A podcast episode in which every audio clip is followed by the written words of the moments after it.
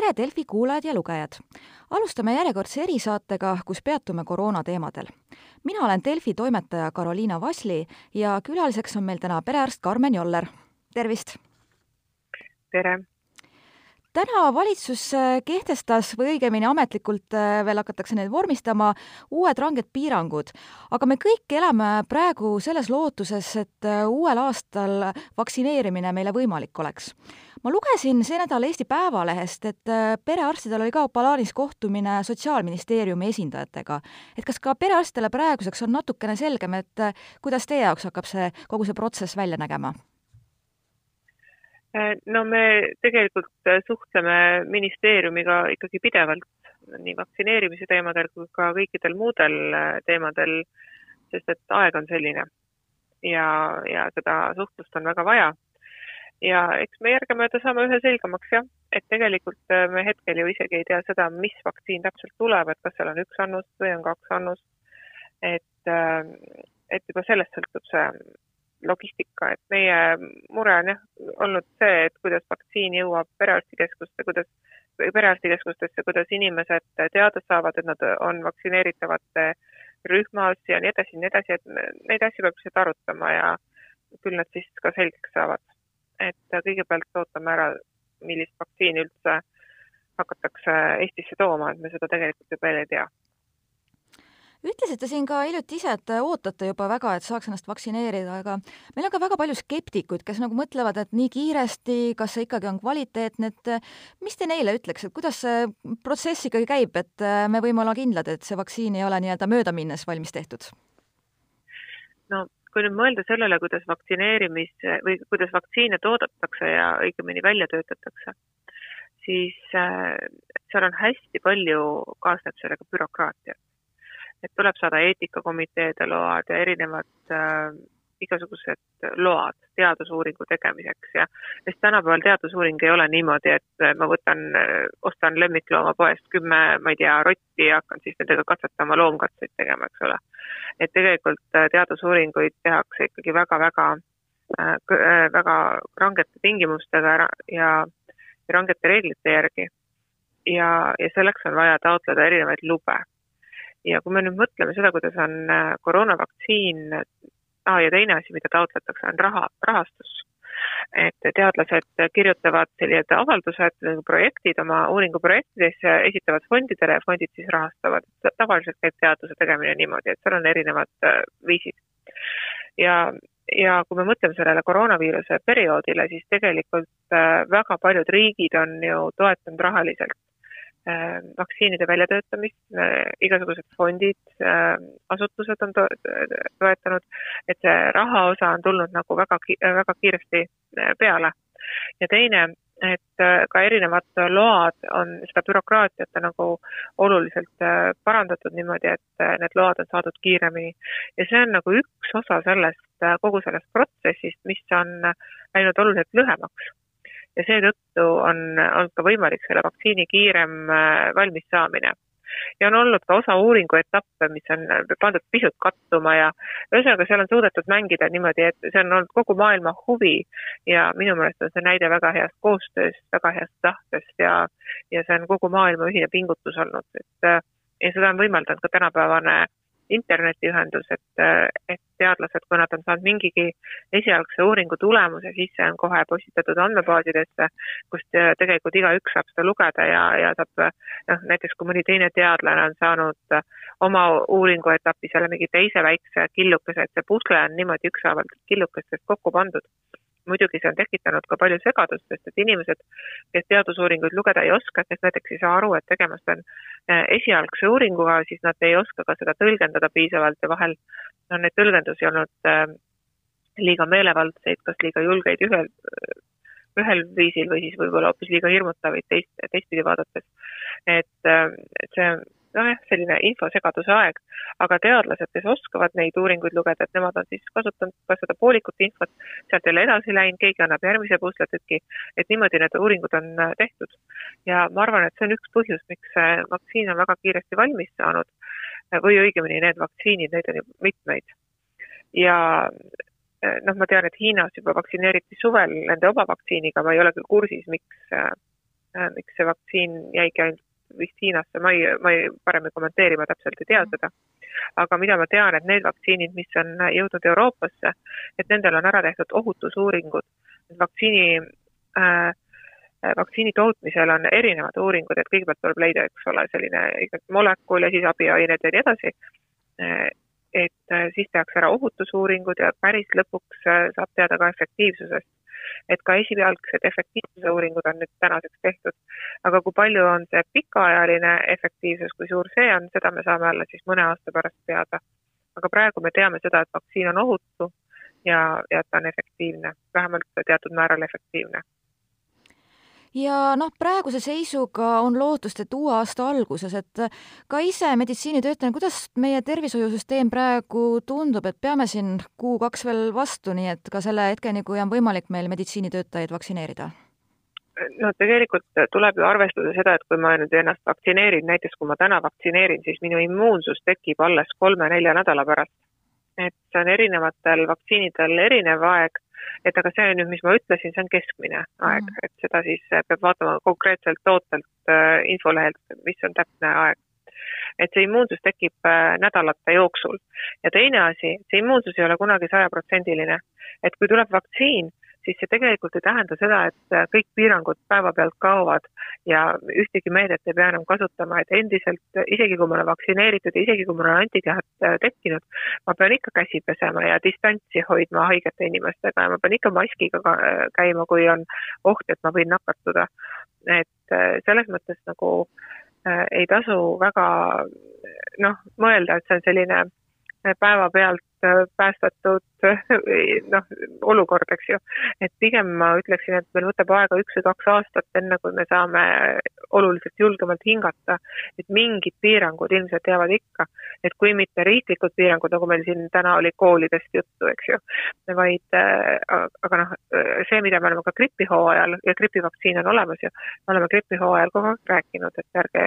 minge haigena tööle, peske ikka käsi, ärge olge haigete inimestega lähestikku ja nii edasi, et täpselt samad reeglid kehtivad ka edaspidi. Ja kui praegu rääkida meie reeglitest, et jah, siin täna toodi reegleid juurde, aga need, mis on praegu kehtestatud, et mis te ikkagi sellest maski kohustusest arvate, et on see meil selline abikäsi nüüd olnud, kuigi noh, statistikat ei ole väga palju siin nakatumisnäitajate osas muutnud, aga ega siin otsest mõju ei saa ka oodata, et mind tegelikult üllatab nagu see, et see on tekitatud, tekitanud nii tohutu diskussiooni. et äh, millegipärast keegi ei kritiseeri käte pesemist, et see tundub olevat nagu selgem. eks see on maski, maski kandmine on inimeste jaoks ka väga uus asi, ega meie perearstidki ju igapäeval töös tavaliselt maski ei ole siiamaani kandnud, nüüd on noh, teist teine aeg muidugi. et jah, see tundub selline vabaduse piiramine ja ebamugav, et äh, mina arvan, et kui on kokkulepe, et tuleb kanda, siis tuleb kanda. et ootame ära ka teadusuuringud, mida nad ütlevad, järjest rohkem neid tuleb ja, ja praegu ikkagi näitab, et äh, näitavad uuringud, et vähemalt teatud määral mask aitab, ta ei ole küll mingi imevahend ja, ja ta ei asenda mitte ühtegi teist äh, meedet äh, viiruse ennetamiseks aga, aga kui me oleme kokku leppinud, et tuleb kanda, siis tuleb kanda ja mina kannan ka maski, äh, kui on vaja, siseruumis. et, äh, et lihtsalt juba sellepärast, et see on meie kokkulepe, et meil äh, on asju, mille üle lihtsalt ei ole mõtet vaielda, et kui tuleb teaduslik tõendus sinna taha nagu sajaprotsendiliselt, küll ta siis tuleb. et ma arvan, et praegu on ta olemas piisav selleks, et soovitada maski kanda rahvarohketes siseruumides, nii nagu on ka meil ametlikult välja öeldud kui te ka oma töös praegu inimestega kokku puutute, nii et kas on ka sellist tunda ilmselt natuke sellist koroona, koroonaväsimust ja trotsi ja kõik need reeglid ja inimesed on tüdinenud või, või see pigem kõrvalt tundub nii, et ühiskond on natuke väsinud? kindlasti on väsinud, et juba kevadel oli seda väsimust näha ja kui tuli suvi, siis inimestel oli kindlasti hästi suur vabanemise tunne, et et kui me nüüd mõtleme, siis praegu ongi selline aeg, kus me igal aastal oleme väsinud, pime aeg, kus tahaks hoopis istuda kodus sooja pleidi sees ja mitte midagi muud teha, võib-olla võtaks raamatu ja teetassi ja paneks küünla põlema ja et äh, vot tahaks niimoodi, eks ju. ja, siis see vähene valge aeg, mis on, et seda tahaks veeta kas õues või kuskil, et praegu enamus inimesi, kes käivad tööl, nad ju lähevad tööle pimedas ja tulevad töölt pimedas ja näevad päikest ainult aknast. Et see ongi selline väsimuse aeg, et võib-olla natuke leevendab seda see, et on tulemas jõulud ja, me valmistume ka jõuludeks. Ehm, et kes siis kuidas, väga paljud on öelnud, et nad teevad oma kodu palju ilusamaks ja kui tavaliselt ja pühendavad rohkem aega sellele, et et mõelda, milli-, mida näiteks, ma ei tea, kas või süüa jõuluõhtul ja lisaks noh, mida meie perearstid nagu väga propageerime, on ka see, et kui me nüüd praegu jõuludeks valmistume, et me ka mõtleksimegi sellele päeva õhtule, kui me istume kogu perega ümber laua, et kuidas selleks valmistuda. et äh, võiks juba praegu hoiduda erinevatest kontaktidest, et ei tekiks isegi mitte seda ohtu, et, äh, et ma olen asümptomaatiline viirusekandja ja viin selle oma vanavanematele või vanematele. et äh, seda enam tasub praegu hoida rohkem omaette ja vältida üleliigseid kontakte, kanda maski, pesta käsi, kõike seda, mida on juba ammu soovitatud. ja üleüldiselt ka, et äh, kuidas teil, kas kevadega võrreldes on ka töös midagi muutunud või, või kuidagi ka patsiendid on nüüd teadlikumad või saavad ka rohkem nagu nendest asjadest aru või kuidas teil sellega on? ma arvan, et natuke on muutunud, äh, no esiteks on ju ka kogu noh, Eesti reaktsioon nagu teine ka valitsuse tasandil, et ei ole enam riik täielikult lukku pandud. et äh, see tähendab ka seda, et inimesed liiguvad rohkem ja meil vastuvõtud ei ole nii tühjad, kui nad olid kevadel.